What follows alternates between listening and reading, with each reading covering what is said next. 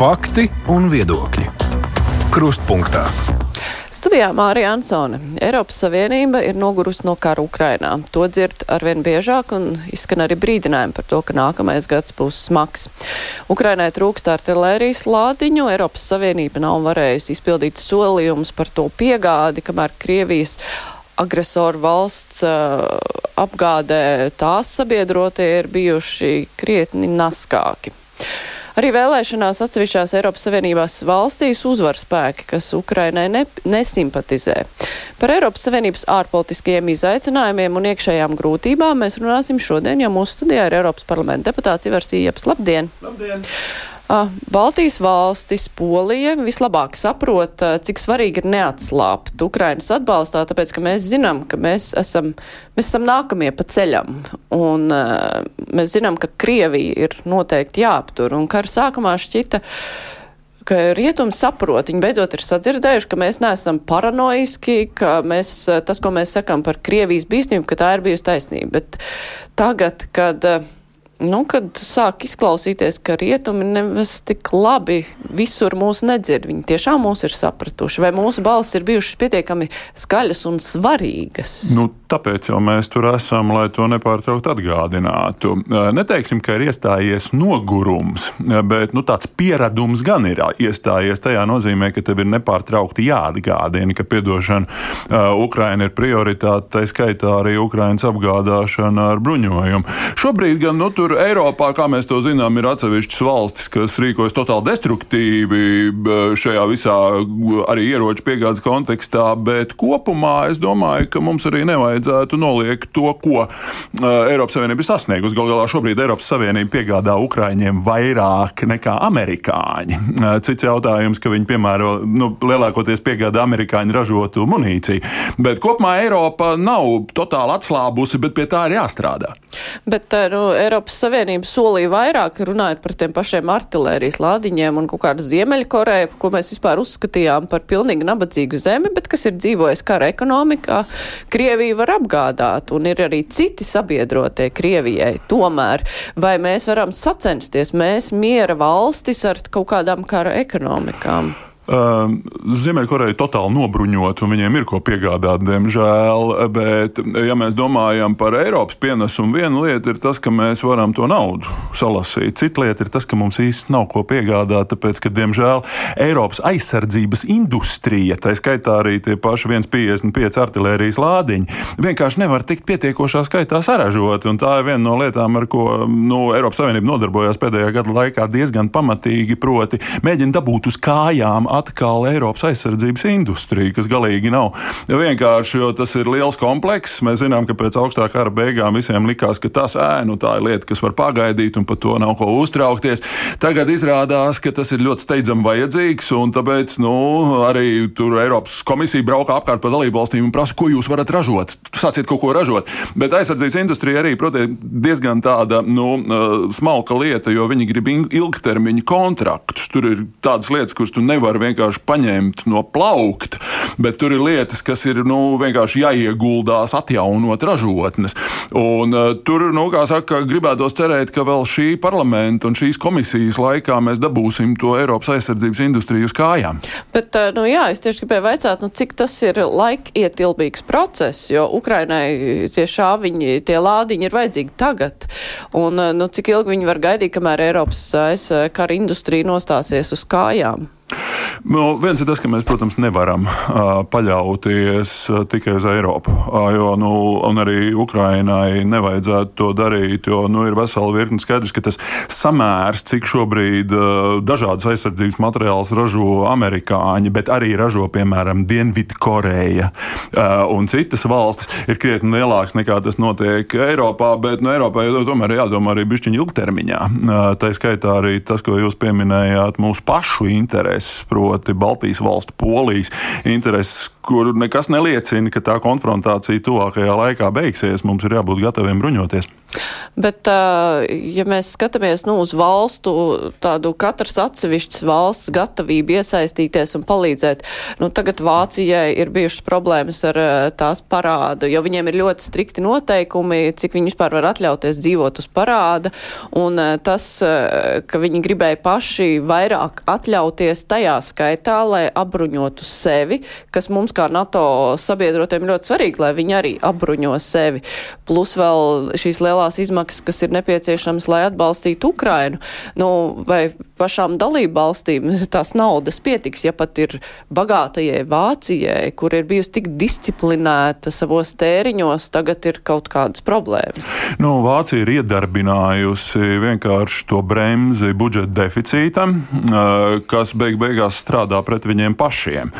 Tajā nozīmē, ka nu, šobrīd, piemēram, no Eiropas komisijas ir nākusi iniciatīva, kuru es labprāt atbalstītu, proti, ka aizsardzības izdevumi ir ārpus šī budžeta bremzes un budžeta deficīta griestiem, jo tas ir šobrīd vienkārši nepieciešams. Bet, ja domā par Vāciju kā tādu, es domāju, ka tā ir vienkārši viena diezgan bezatbildīga fiskālā politika. Protams, ka nevajag tērēt par daudz, bet es domāju, ka viņa paša ekonomika arī no tā cieš, jo Vācijā jau aizsardzības industrija vēsturiski ir pietiekoši spēcīga. Nu, tur ir ainmetāls un viss šitie, bet kas ir interesanti, viņi taču patiesībā ir ražojuši tikai eksportam.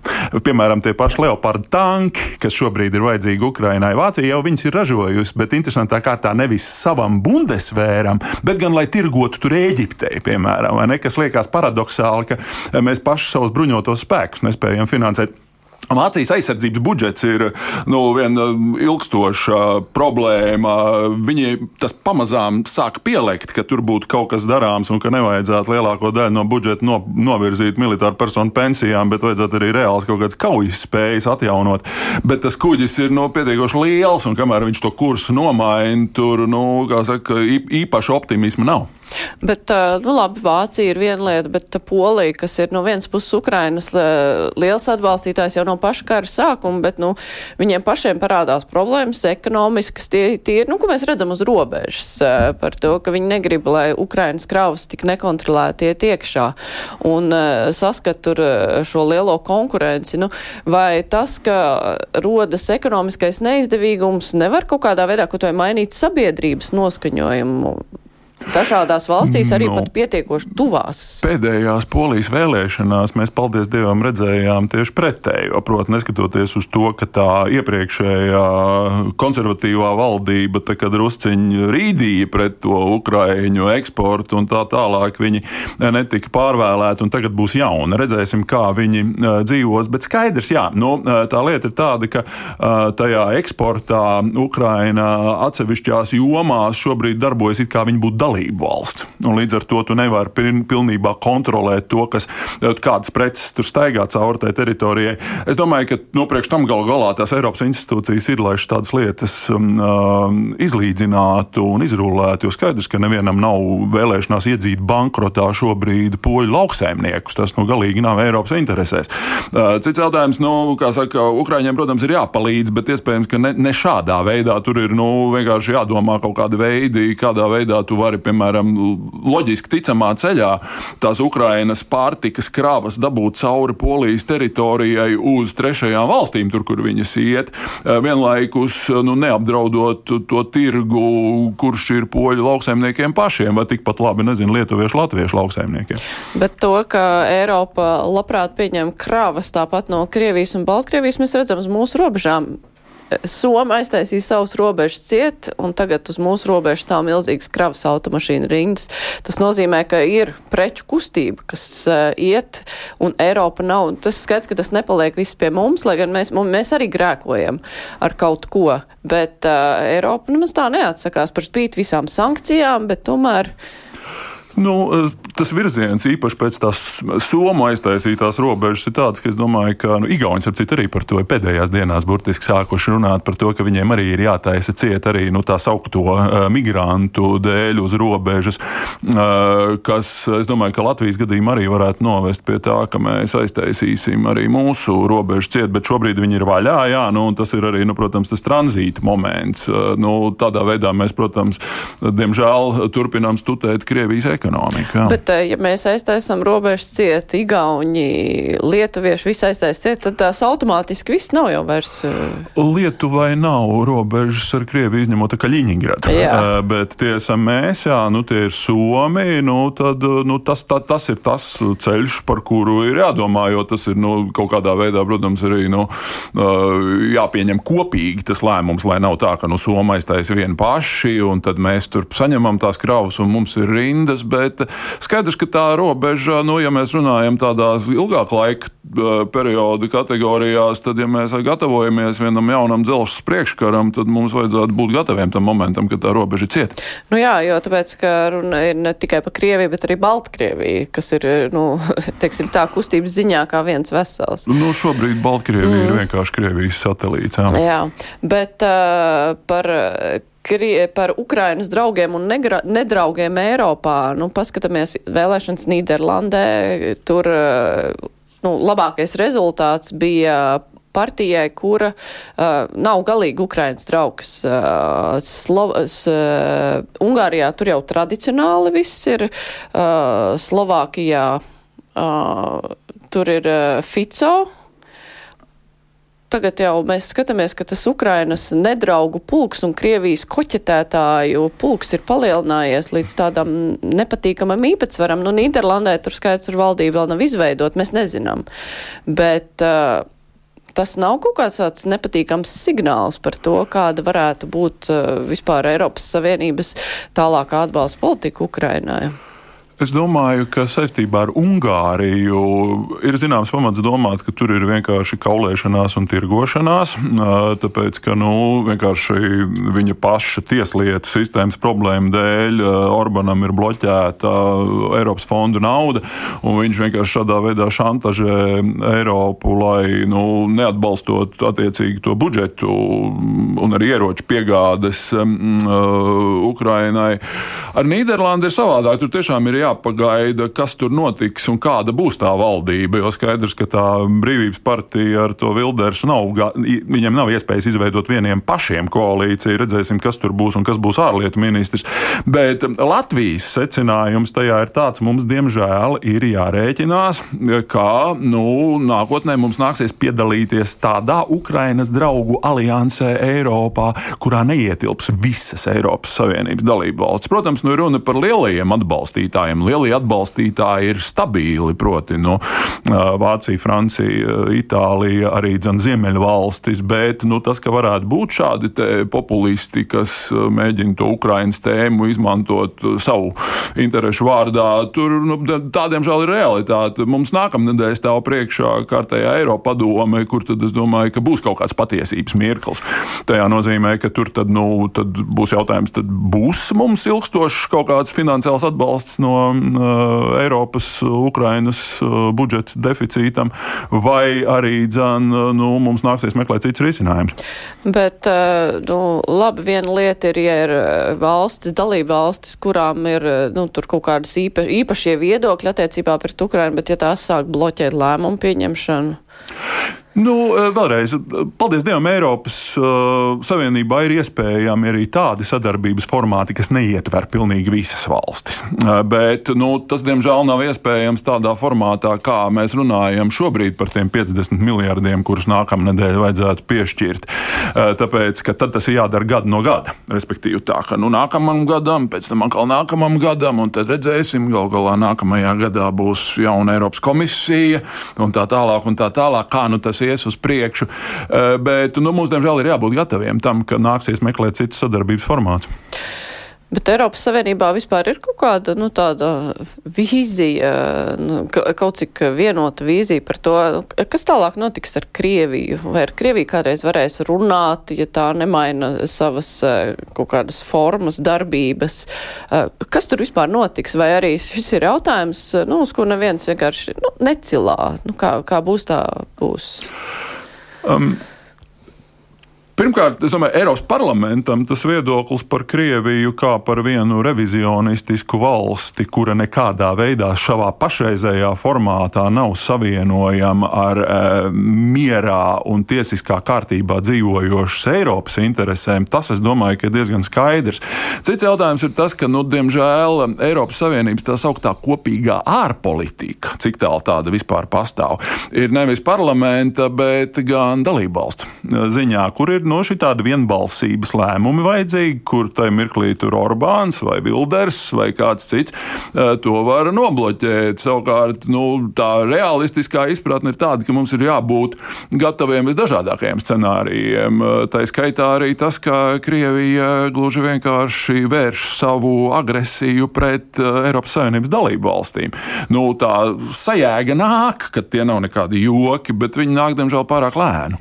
Bet, nu, teiksim, ja mēs par to vīziju runājam, nu tagad uh, visi ir sapratuši, ka karš Ukrainā notiks ilgi. Un uh, tas, kas būtu vissliktākais, nu, ka tur tas viss tiek iesaldēts, Krievija tur savā nodabā krāja spēkus, kaut kur notiek kara darbība, bet, nu, tad Eiropa tā lēnā garā, tā kā, nu, vienkārši eksistē blakus. Nu, vai nevar pienākt tāds brīdis, kad uh, ar to visu Eiropa tur sāk kaut ko, nu, tad kaut kādas lietas tur kārtot ar Krieviju, tur tur, šur, un ka, nu, ka tās mazliet tiek attiecība atpakaļ gaita ieslēgta, lai arī, teiks, būtiski ne Krievija būtu atbildējusi par saviem kara noziegumiem, un ne tur varas maiņa nekas nav bijis. Vai tas ir iespējams, vai kāds vispār redz to, ka varētu sākt atkal runāt ar Krieviju? Tā? Es domāju, ka šobrīd sabiedriskā doma lielākajā daļā Eiropas valstu ir viennozīmīgi Ukrainas pusē un atbalsta Ukrainas uzvaru. Un tādā ziņā, protams, lai izvairītos no jūsu pieminētā scenārija, tas ir lielā mērā sabiedriskās domas uh, uzdevums noturēt tos politiķus pie atbildības un nelaist viņus iet, ielaisties kaut kādos bilaterālos darījumos ar kaut kādu Puķina vai pat postpuķina Krievija, ja viņi principā nemainās. Nu, tādā nozīmē es domāju, ka daudz kas jau tomēr arī ir noticis kopš pagājušā gada februāra. Es domāju, ka tās ziņas, kas pienākas pēdējās dienās, laikam ir atkal kaut kāds video parādījies par to, kā šie Krievu okupanti iznīcina uh, Ukraiņu karagūstekņus. Šis viss krājās, un es domāju, ka nevienam tādam sevi cienošam Eiropas valsts līderim uh, spiest roku Puķinam, uh, es dom, ne, nedomāju, ka būs iespējams pēc bučas, pēc irpiņas, pēc visu šitā, pēc Mariupoles. Bet jautājums, cik tās uh, rietumu valstu sabiedrības vispār par to šobrīd domā, jo kaut kur Spānijā, piemēram, nu, tur uh, ziņas par Ukrainu ir jau sen pazudušas no televīziju ziņu lentēm. Un, nu, droši vien kaut šad un tad kaut kas parādās, bet tas ir pilnīgi aizgājis jau citā plānā. Tagad runā par to, kas notiek Izrēlā, par eh, to, kas notiek ar uh, Hamas apkarošanu, bet uh, par to, kas notiek Ukrainā. Nu, tā, un tām sabiedrībām, kuras nav tieši iesaistītas, nu, tam tas varbūt arī vairs nav tik svarīgi. Es domāju, ka jautājums, protams, par to, kā tā tālākā kara darbība attīstīsies, bet es domāju, ka liela daļa arī, vienam runājot ar spāņu kolēģiem Eiropas parlamentā, tur ir pietiekoši liela izpratne par to, ka tas nav stāsts par kaut kādu lokālu konfliktu. Īpaši tajā mirklī, kad parādās šī kodolieroču žvadzināšana, kas, starp citu, no Puķina puses pēdējā laikā ir bišķi pieklusus tieši tāpēc, ka viņš zina, ka, ja viņš žvadzinās kodolieročus, tad rietumi būs vienotāki nekā iepriekš.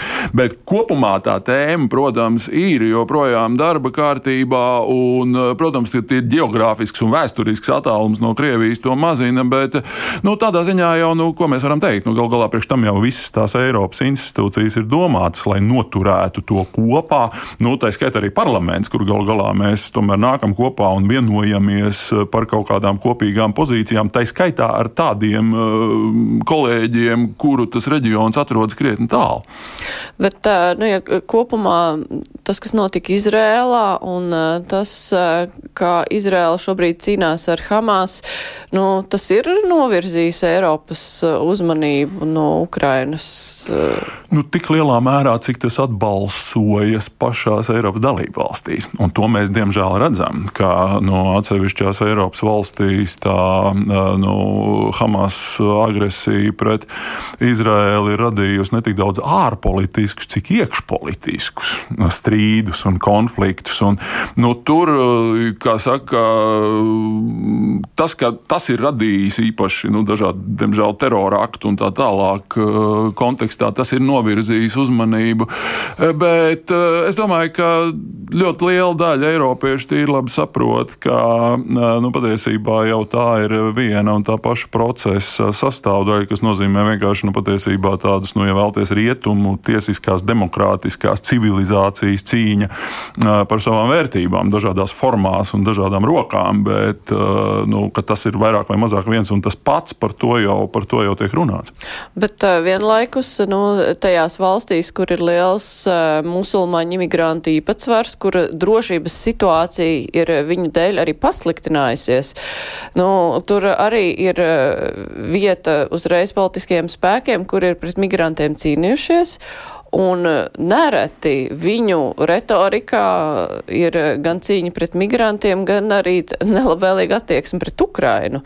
Nu, vai tur arī nepastāv kaut kādi riski, ka tur vienkārši kaut kādi radikāļi var sākt izpausties? Nu, tieši tāpēc es domāju, ka mūsu visu uzdevums šobrīd Eiropā ir noturēt to centrisko, saprātīgo vairākumu, tai skaitā arī atklāti runājot par migrāciju. Jo šobrīd tā jau tas, diemžēl, ir bijis, ka nu, atsevišķas tās ar migrāciju saistītās problēmas un ar migrantu integrāciju saistītās problēmas ir vienkārši tikušas noklusētas, tāpēc, ka par to nav bijis pieņemam runāt, un tas ir bijis kaut kas tāds, kas nu, patiesībā nav, nav publiskā darba kārtībā. Un tad tas, protams, dod arī rokās instrumentus galēji labējiem populistiem, kas nāk ārā ar tādu, tā skaitā, gan pret Ukrainas, gan arī pro Hamas, gan, gan ar, arī dzan pietiekoši skaidru tādu eiroskeptisku līnija. Un, eh, nu, tā ir šobrīd tas, domāju, ir tāds pietiekoši, nopietns risks, kas atbalsojās ļoti daudzās valstīs, bet tā migrācijas uh, problēma jau, diemžēl, ir reāla. Nevelti ar to nevar tikt galā jau vairākus gadus, kad mēģina joprojām kaut kādu vienotu pieeju Eiropā tam izveidot. Bet, uh, nu, vēlētājiem un vispār Eiropas valstu iedzīvotājiem jau ir svarīgi ne tikai atklāti runāt par migrāciju, bet arī kaut ko darīt. Nu, un kādi tā. varētu būt Eiropas Savienības tad uh, reaģējošie lēmumi šajā sakarā, jo no vienas puses uh, nu, izskatās, uh, ka varbūt vilciens pat jau ir aizgājis un tagad ir jātiek kaut kā ar to situāciju galā, kas jau ir. Um, ja Tas, ko Eiropai vajadzētu darīt, eh, manuprāt, viena no lietām ir primāri vērsties pret nelegālo imigrāciju, un viens no veidiem, kā to darīt, būtu padarīt to jau pastāvošo robežu sardzes aģentūru, kas šobrīd nodarbojās eh, ar vienkārši patvērumu meklētāju reģistrēšanu uz robežas, padarīt to par vienu reāli kopīgu Eiropas robežu sardzi. Eh, tā, lai tie cilvēki, kas tur ir no citām valstīm palīdz sargāt tās robežas un nevis vienkārši tikai reģistrēt tos, kas viņām pārnāk pāri. Tā ir viena no lietām, par ko vajadzētu vēl šim parlamenta un padomas sasaukumam uh, tikt, respektīvi komisijas sasaukumam tikt galā, jo, nu, uh, manuprāt, uh, tas ir pietiekoši skaidrs, ka mēs nespēsim noturēt to brīvības telpu Eiropas Savienībā ar Schengens brīvajām robežām, ja mēs nekontrolēsim labāk ārējās robežas robežas. Un Eiropas Savienības ārējās robežas nav vienkārši tikai stāsts par vidusjūru, bet tas ir arī stāsts par robežu ar Krieviju un Baltkrieviju, kas mūs skar vistiešākā veidā. Bet nu, tie jau ir ne tikai nelegālie migranti, kas rada problēmas.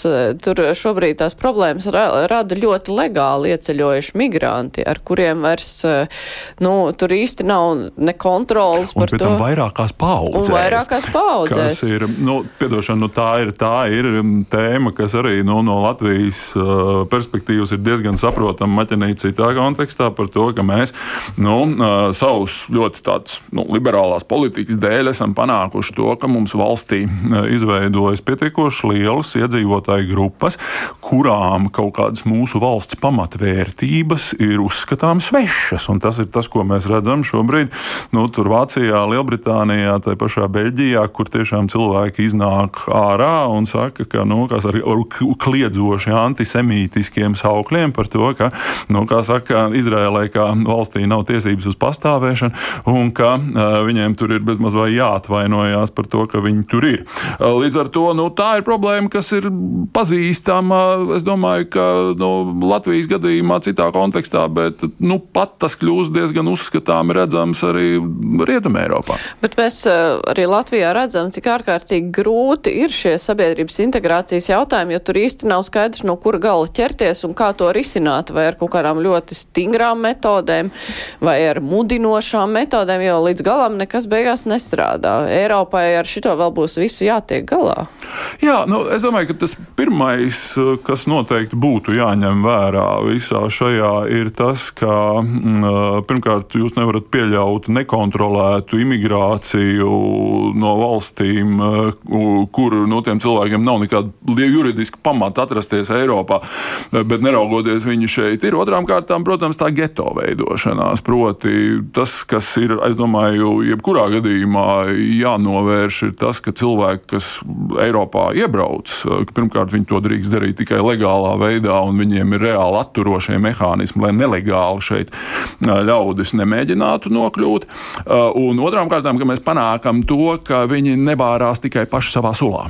Jo tad, kad viņi vārās paši savā sulā, tad mēs panākam šādus te nu, Parīzes priekšpilsētas vai Molenbeku tajā pašā mūsu Briselē, vai ne, kur ir, nu, principā, tu jūties galīgi nekā Eiropā, un tā attieksme pret, kā saka, cilvēkiem, kas tur ienāk, nav pārāk pozitīva, maigi izsakoties. Bet, nu, tad kādā veidā panākt to nevārīšanos pašiem savā sulā? Taču nevar pieņemt Eiropas direktīvu, nedrīkst ļaut vārīties pašiem savā sulā. Tur ir katram, nu, kaut kā jādomā tie risinājumi, bet universālās receptītes jau nav. Un tas nozīmē, ka viss teiks, ka tā nevajag, un tāpat nekas nemainīsies. Nu, es domāju, ka pirmkārt nu, tur ir virkne kas, nu, ir lēmumi, kas domāju, ir pieņemami visur, ka nu, mums ir par valodu jādomā tādā nozīmē, kā mēs lietojam publiskā saziņā, kā saka, attiecīgās Eiropas valsts valsts valodu.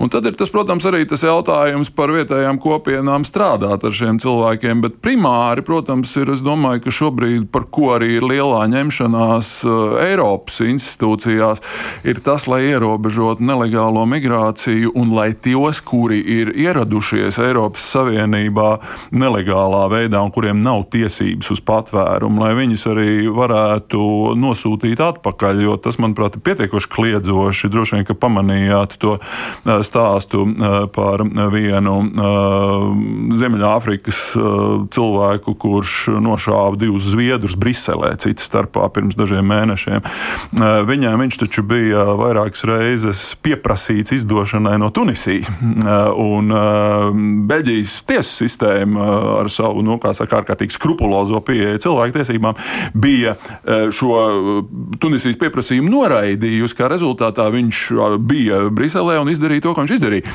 Ne, kas ir, nu, kā saka, es domāju, ka pietiekoši skaidrs vēstījums. Bet nu, tas arī parāda to, ka ir nepieciešams ļoti ilgs laiks, lai mainītu pirmkārt eh, nu, kaut kādu tiesu praksi, lai mainītu institūciju praksi, un gal galā ir jāpieņem kaut kādi Eiropas Savienības tie ģenerālie lēmumi, lai to visu rīkoties, lai būtu tā politikas maiņa. Cik ilgi tad, eh, tad nu, tas kuģis tā lēnām tad tā griezīsies, nu, cik ilgi viņam vajadzēs? Es domāju, ka primāri mums ir jādomā par to, kā fiziski sargāt robežas. Jo, piemēram, tā, kamēr tā vidusjūra būs tādā kondīcijā, kā viņi ir, un kamēr arī nu, saka, mūsu robežas ar Krieviju, Baltkrieviju būs, diemžēl, tik caurlaidīgas, kādas viņas ir, tikmēr tā būs permanenta problēma un skaidrs, ka tas jau tiek darīts ļoti lielā mērā ar nu, saka, tieši vēlmi panākt, piemēram, Lepenas nākšanu pie varas, vai ne, no Krievijas puses, vai AFD nākšanu pie varas Vācijā, jo tie būtu tie, kas ir vienlaikus saka, pozitīvi pret Kremli,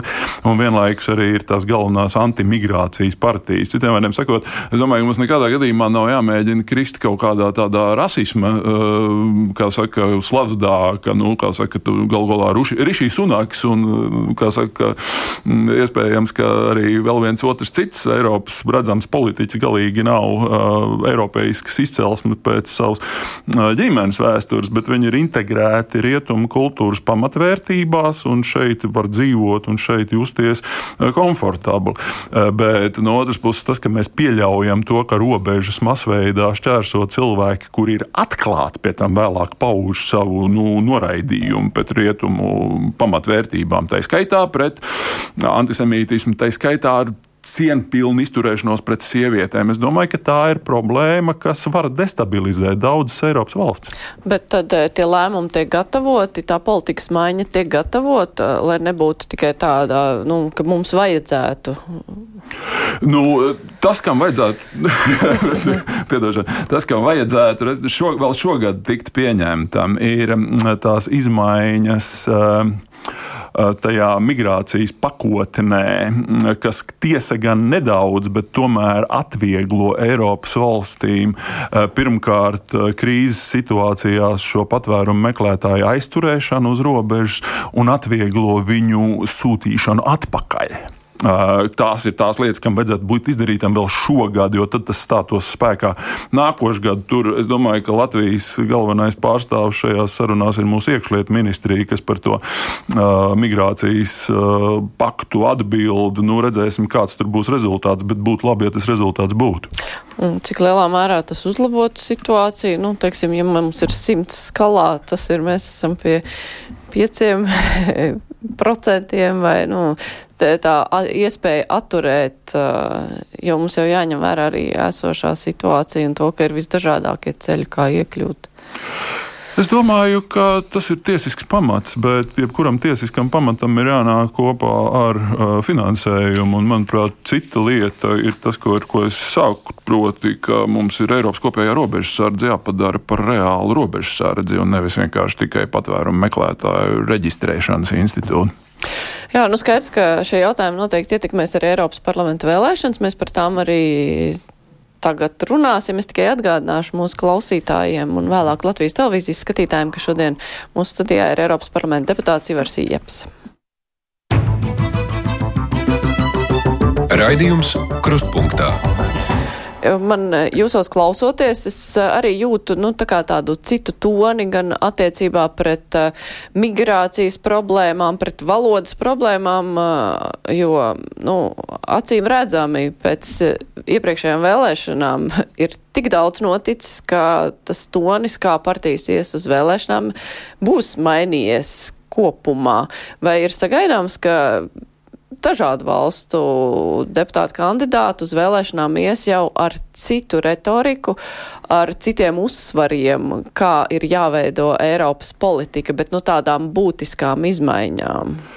Par migrāciju es līdz galam nepiekritīšu, jo jūs noteikti atceraties 15. gada migrantu krīzi. Bet tā bija citā, tā bija citā kontekstā, jā. bet šobrīd noteikti tas galvenais, kas ir mainījis mūsu toni, un droši vien to sajutīs arī uz vēlēšanām, ir Krievijas pilna apjoma agresija Ukrainā. Tas, protams, ir daudz ko, daudz ko pamainījis. Proti, jo Eiropas Savienība jau ir veidojusies kā tāda miera laika institūcija, vai ne? Nu, ka mēs tur tirgosimies un ražosim un inovēsim un tā tālāk. Tagad tā bilde ir krietni pamainījusies, protams. Bet arī jautājums, nu, cik lielā mērā cilvēki tieši Eiropas eh, līmeņa institūcijas uzskata par svarīgu svarīgām institūcijām, jo nu, vienmēr jau nacionālo parlamentu vēlēšanas nu, vai prezidenta vēlēšanas, ja ir prezidentāla valsts, nu, tās ir bijušas svarīgākas. Tajā pašā laikā vai šobrīd tas Eiropas kopīgais vēstījums ir kļuvis svarīgāks vai vēlme iespaidot un sapratne, ka, ka Eiropa kopumā, teiksim, nu, varbūt realizē citu politiku nekā tas vēlētājs vispār grib. Vai cilvēki ir, cilvēkiem ir palielinājusies Eiropas institūcija nozīmība viņa acīs? Pret ko varbūt vajag cīnīties.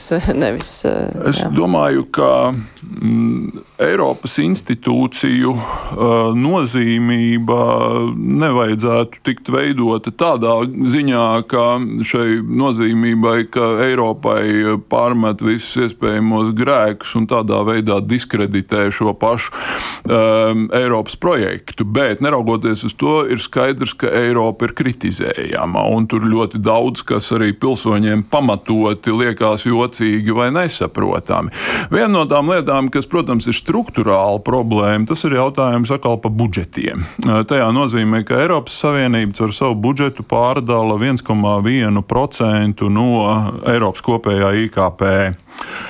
Mums ir pēdējā laikā tik daudz to vajadzību radies. Nu, Galu galā mums neviens nav atcēlis vecās vajadzības, proti, lauksaimnieku tieši maksājumus, struktūru fondus, bet mums ir tagad nācis klāt vēl viss, kas ir saistīts ar aizsardzību, viss, kas ir saistīts, tā skaitā, piemēram, ar to pašu veselības aprūpi, jo galu galā mums šitajā piecgadē bija arī Covid un tā tālāk. Un tas budžets ar to 1,1% no IKP, viņš tiek plēsts ļoti radikāli uz visām pusēm, tad ir jautājums, kā mēs varam to Eiropas Savienības kopējo lietu nofinansēt tā, lai pilsoņi nezaudētu ticību tam projektam. Jo skaidrs, ka viena lieta ir skaistas deklarācijas un tie zilie karogi dzeltenām zvaigznēm, bet aiz tā viss ir jābūt kaut kādam reālam segumam, un ar to šobrīd ir ļoti, ļoti liela ņemšanās, tāpēc, ka, nu, droši vien ir pamanīts, ka tur ir jūs pieminētās jau problēmas Vācijā ar viņu budžeta deficītu kredītiem. Mēs ceram, ka mēs atgriezīsimies eh, nākamajā gadā pie kaut kādiem rāmjiem, kā mēs vispār veidojam Eiropas budžetus, budžeta deficītus un tā tālāk, kas tagad no Covid bija atcelti. Bet es redzu tur vienu diezgan lielu problēmu, ka pilsoņi gaida vairāk no Eiropas nekā tā Eiropa spēja viņiem iedot, un tad rezultāts ir tāds, ka viņi vienkārši vīlušies. Bet uh, daudz cilvēku arī īsti nesaprot, nu, ko sagaidīt no tiem pašiem Eiropas parlamenta deputātiem. Mums te piekdien bija žurnālisti diskusija, un tur parādījās jautājums, un, bet uh, mēs varam nosaukt, nu, ko tad tie mūsu deputāti ir izdarījuši tādu, nu, ko, ko katrs var saprast un sajust, jo viena lieta ir, nu, tur tādas kaut kādas tādas augstas lietas, kas neietekmē cilvēku dzīvi, bet ko tad viņi ir īsti izdarījuši, jo, ja, ja vajag aizstāvēt Latvijas intereses, nu, tad tur mūsu valdības brauc un var cīnīties un darīt, bet ko tad tie deputāti? Valdības eh, vienas pašas neko neizcīna. Lielākā daļa notiek, kas tiek izcīnīts kopā ar parlamentu. Droši vien, ka nu, tad ir labāk runāt pašam par sevi. Nu, tas, ko es esmu pie kā strādājis un uh, panācis rezultātu, tas ir pirmkārt uh, kopīgi aizsardzības iepirkumi dalību valstīm, tā skaitā arī munīcijas, lai atlīdzinātu tām valstīm, kuras kā Latvija ir daļu bruņojumu nodevušas Ukrainai. Tad tās ir arī arī vesela virkne ļoti praktiskām lietām, nu kaut vai tas, ka mums viesabonēšana mobīliem sakariem citās Eiropas. Un tur jau katrs Eiropas parlamenta deputāts var teikt, es par to cīnījos. Nē, nē, nē tas, nav, tur... tas nav gluži tā. Tur ir, oh. tur ir, kā saka, statistika, kurš pie kā strādā. Bet uh, tādā ziņā es domāju, ka nu, ir virkne ar lietām, kas ir panāktas arī Eiropas parlamenta deputātiem no Latvijas strādājot kopā. Nu, piemēram, tā, tādas lietas kā uh, nu, kaut vai tie paši tiešmaksājumi vai tādas lietas, kā, piemēram, nu, zinām, kas šobrīd notiek ar Rail Baltica, vai ne, kas varbūt nav tas labākais piemērs, bet tas, ka tur tas atbalsts ir no Eiropas joprojām, tas jau ir darīts kopā. Tā kā, nu, Tur ir nu, saka, lielākoties runa par uh, vairākiem uh, praktiskiem darbiem, uh, kurus katrs ir darījis. Jā.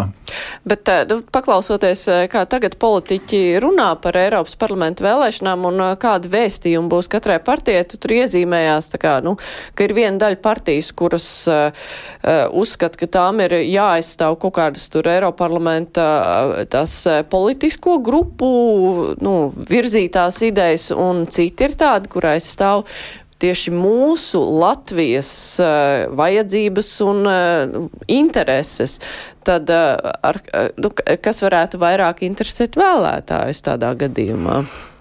Um. Es domāju, ka nevajadzētu obligāti mēģināt saskatīt tur pretrunu. Mēs uh, šajā mandātā un droši vien arī nākamajos visos mandātos esam ievēlēti no Latvijas. Mani vēlētāji, vai tikpat labi, nezinu, Sandrs Kalnietis vai Roberts Zīles vēlētāji nav Francijā, Nīderlandē vai Spānijā. Viņi ir Latvijā un tādā ziņā mūsu primārā atbildība, protams, ir mūsu vēlētājiem. Un es domāju, ka to diezgan skaidri var just, īpaši tagad, kad Eiropas parlaments ieiet tādā priekšvēlēšana drusciņa ritmā, vai ne? Tur tur, bet eh, no otras puses, protams, mēs strādājam pie Eiropas kopējām politikām tā, lai viņas atbilstu mūsu valsts interesēm. Bet, ja mēs paskatāmies. Uh, Nu, uz to, kā vispār politiķi startē vēlēšanās, nu, skaidrs ir partiju saraksti, kas apvieno, bet, nu, tur tomēr nenotiek kaut kādas tādas viet, vietējās cīņas, jo ir skaidrs, ka, nu, nu divi mandāti no partijas. Tas ir tāds labs rezultāts. Gribētos jau vairāk, ir bijis arī, ka kādam izdodas, bet nu, kopumā tas viss ir tās dažas vietas, tiek vienkārši saplēstas starp partijām. Tas nozīmē, ka cīņa iekš, sarakstu iekšienē arī ir milzīga. Cīņas sarakstu iekšienē ir, nu, priekš tam ir domāta tāda, nu, partijas iekšējā demokrātija, lai to procesu kaut kā panāktu, tā lai tas saraksts izskatās cienījami un ir konkurētspējīgs. Bet es saprotu, daļa no jūsu jautājuma ir arī par to, ka nu, mēs lielākoties tos astoņus vai deviņus nākamajā sasaukumā mandātus sadalām starp diezgan daudziem sarakstiem. Mm. Es domāju, ka šobrīd izskatās arī tā, ka tas nākamais Eiropas parlaments arī varētu būt uh, diezgan eh, fragmentēts arī tādā Latvijas pārstāvniecības nozīmē. Nu, jā, es teiktu, ka kas ir manā skatījumā svarīgi, ir tas, lai mēs noturam to pro-eiropeisko centrisko vairākumu, kurš šobrīd veido, ja ne nu gluži tādu valdošo koalīciju Eiropas parlamentā, tad drīzāk kaut kādu nu, tādu pro-eiropeisko pragmatisko kursu. Tur ir nu, tās trīs lielās uh, grupas, kuras tradicionāli pie tā piedara. Proti, sociāldemokrāti, Eiropas Tautas partija uh, un mēs, kā Reņģu Europe, bet tur tikpat labi ir arī nu, kolēģi, kas ir tajos konservatīvos reformistos. Vislielākās bažas jau, protams, arī strādājot tur ikdienā, redzot to par tādu prokrievisku un destruktīvu politiku nāk no tiem centra galējiem flangiem. Tas ir tur, kur ir tā ID grupa, kas ir nu, tādi nu, ekstrēmie, mm, konservatīvie populisti, un otrs, protams, ir de facto komunisti. Tur ir arī tāda grupa, kas ir tā, kas saucās kreisie vai ne, the left. Uh, tie ir tie, kas ir, nu, es domāju, ka pietiekoši bīstami Eiropai kopumā, jo viņi abi divi no abiem tiem flanga galiem patiesībā ir ieinteresēti ieinteresēti tikai tā projekta graušanā. Un es domāju, ka lai nu, arī cik kritizējam tā Eiropas Savienība nebūtu, es domāju, ka lielos vilcienos tas, ka mēs tur esam un ka tas darbojās, tā ir viena liela dieva laime. Bet, eh, nu, tiksim tā, eh, tās partijas, kuras eh, lielo uzsvaru liek uz tieši nacionālo interešu aizsardzi, aizstāvību, vai nu, tur ir pretruna ar pro-eiropeiskumu? Nacionālās intereses Eiropas politikā figurē nepārtraukti satraukti, bet tev tavas nacionālās intereses ir jābūt spējīgam noformulēt kā Eiropas kopējās intereses. Tas nav tā, ka es saku, vienkārši aizēju un pasaku, ka man, mani vēlētāji tur grib to un punkts. Man ir jābūt spējīgam pārliecināt savus kolēģus no savas grupas un citām grupām, ka tas, ko es piedāvāju, ir kaut kas jēgpilns un attiecas arī uz viņiem. Tas, ka nebūs visi absolūti priecīgi par jebkuru likumdošanas aktu, tas ir absolūti skaidrs bet tu nevari vienkārši tikai raudzīties pats uz sevi un cerēt, ka viss tev sapratīs. Tev ir jābūt spējīgam pārliecināt tos, ar kuriem tu strādā kopā. Jūs darbojaties ar mākslīgā intelekta likumdošanu. Nu, kā izskaidrot Latvijas vēlētājiem, kam tas ir vajadzīgs? Es domāju, ka Latvijas uh, iedzīvotājs jau šobrīd uh, diezgan daudz saskarās ar mākslīgo intelektu, kaut vai tajā formātā, ka viņš, piemēram, iet uz uh, Rimiju vai Maksimu un pērk tajās bez pārdevēja kasēs kaut ko, vai arī ka viņam atbild kaut kāds chatbots, ar kuru viņš sazinās, piemēram, ar savu banku vai mobilā telefonu kompāniju. Latvijas iedzīvotājiem uh, mākslīgais intelekts, uh, es domāju, ka nākotnē varētu būt ļoti, ļoti produktīvs un vajadzīgs kaut vai tajā ziņā, ka viņš nu, elementāri, nezinu, veselības sfērā šis mākslīgais intelekts, kas spēs adekvātāk pat par dzīvu radiologu analizēt mūsu rentgena attēlus un noteikt mums diagnozes. Tās ir lietas, kas, nu, teiksim tā, atbrīvos cilvēkus no monotona, garlaicīga darba tajās jomās, kur tas nav vajadzīgs. Bet ar to, protams, ir saistīts vesels lērums ar izaicinājumiem. Mēs tīri labi zinām, ka, nu, piemēram, gaidāmo nākamos nākamais mums ir lielo vēlēšanu gads. Tur ir gan, protams, Eiropas parlamenta, tur ir Amerikas vēlēšanas, vai ne? Tad tur ir Indijas vēlēšanas. Mums ir bail, ka tas mākslīgais intelekts kaut kā nesāk caur sociāliem tīkliem, iespaidot ar visādiem deepfakiem sabiedrisko domu, kas, diemžēl, ir jau sācies. Un tas, ar ko mēs nodarbojamies Eiropas parlamentā pie šī konkrētā likuma, ir tas, ka mēs mēģinām to mākslīgo intelektu ielikt kaut kādos rāmjos. Bet, nu, ja mēs runājam par vēlēšanu iespaidošanu, tur nu, cik daudz tas ir atkarīgs no tā, nu, ar kādi, kādi likumi darbojas šajā jomā, vai cik daudz no labas uh, spēcdienestu kiberdrošības nodaļas darbības? Nē, nē, nē. Tas, diemžēl, nav tik vienkārši, ka spēcdienesti to tiks, ar to tiks galā. Tas ir jautājums par to, nu, piemēram, kāda, cik ātri, piemēram, sociālo platformas aizvāc tādu, konten, tādu saturu, kurš ir radīts ar šīm dažādām mākslīgā intelekta programmām. Tas gal galā tur, nu, tur mēs esam pret tiem lielajiem milžiem, kurus liela daļa Latvijas iedzīvotāji izmanto visiem Googliem, Facebookiem, eh, Instagramiem, Eksiem, respektīvi Twitteriem un tā tālāk. Un tur ir nepieciešams kaut kāds likumisks pamats, kas ir gan tikai daļa no tās mākslīgā intelekta pakotnes, bet ar mākslīgo intelektu, kā mēs to zinām, lielā tāda rezonance sākās pagājušā gada beigās, tad, kad parādījās ChatGPT. Un tas mainīs diezgan daudzas mūsu dzīves jomas. Es, piemēram, kā jūs zinat, nāku no augstskola vides. Un, eh, tā ir pietiekoši liela eh, dilemma skolām un augstskolām, kā mēs ar šīm uh, programmām strādājam. Pirmkārt, ka tev ir, protams, pašsaprotami tagad jāpārvērtē savas vērtēšanas sistēmas eksāmenos, bet no otras puses mākslīgam intelektam ir arī milzīgs pozitīvs resurss tādā ziņā, ka mēs cilvēkiem varēsim, nu, tur, nezinu, svešvalodas vai algebru iemācīt krietni, krietni ātrāk un efektīvāk nekā tad, kad tu strādā uh, nu, kā skolotājs klasē 1 pret 30. Līdz ar to tur ir potenciāls. Eh, tas potenciāls nav jānovērtē par zemu, bet tur ir arī riski. Es piedaru tiem eh, deputātiem Eiropas parlamentā, kas saka, ka no vienas puses, protams, ir viss, kas ir jāregulē un viss, kas ir jāuzrauga, bet mums nevajadzētu arī nožņaukt ar to regulēšanu. Eiropas Savienība ļoti daudzas lietas nožņaudz ar to, ka viņi pārregulē. Jo pretējā gadījumā mēs redzam, ka ķīnieši un amerikāņi mums mums tajā mākslīgajā intelektā aizies krietni priekšā, un mēs Eiropā vienkārši zaudēsim pozīciju. Bet, ja mēs runājam par Facebookiem, Twitteriem, ne, Xiem, kā šī likumdošana ļaus ietekmēt uh, Maska rīcību un aicinājums uh, ievērot Eiropas Savienības likumdošanu? Nu, viņš neievēro, un viss taču jau bija tas strīds, no. ka viņš varētu kaut ko vērciet, nu skaidrs, ka, nu, it kā nevērs jau, bet.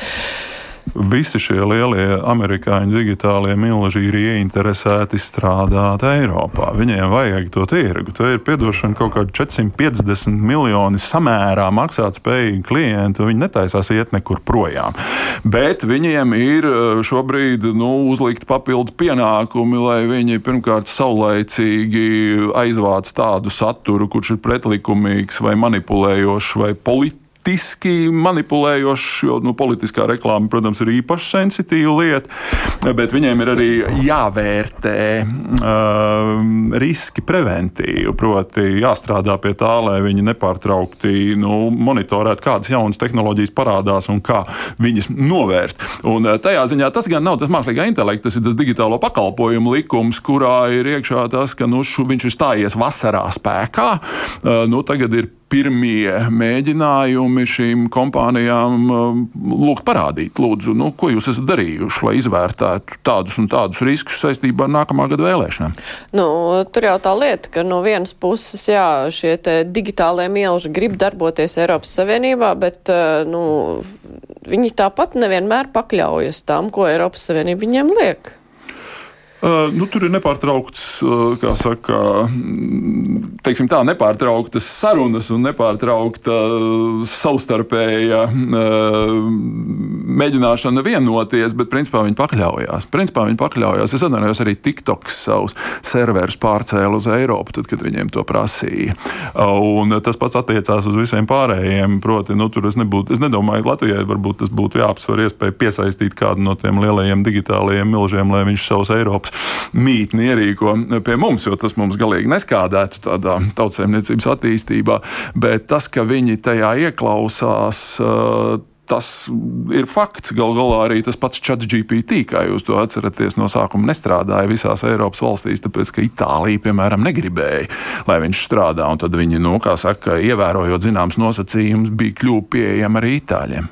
Bet tajā pašā laikā visas šīs platformas vienalga ir tādas, kuras, nu labi, tur varbūt var kaut kādā veidā mēģināt izkontrolēt, kurš tur iepludina kādu informāciju, bet, nu, tur tie burbuļi veidojās, ojojoj, kādi, un uh, sekas rada, un dezinformācija tur iet uh, vienkārši pilnā plaukumā.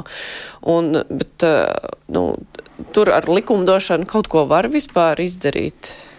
Nu, pirmkārt, protams, nu, vārdu brīvība joprojām ir princips, bet nu, tā vārdu brīvība ir ierobežota arī piemēram, ar, piemēram, Latvijas krimināla likuma ietvaros, kur arī, ja es sākšu uh, izplatīt baumas, tur nosacīt pa bankām, piemēram, tad man varētu būt par to krimināla lieta un iespējams pat cietumsot.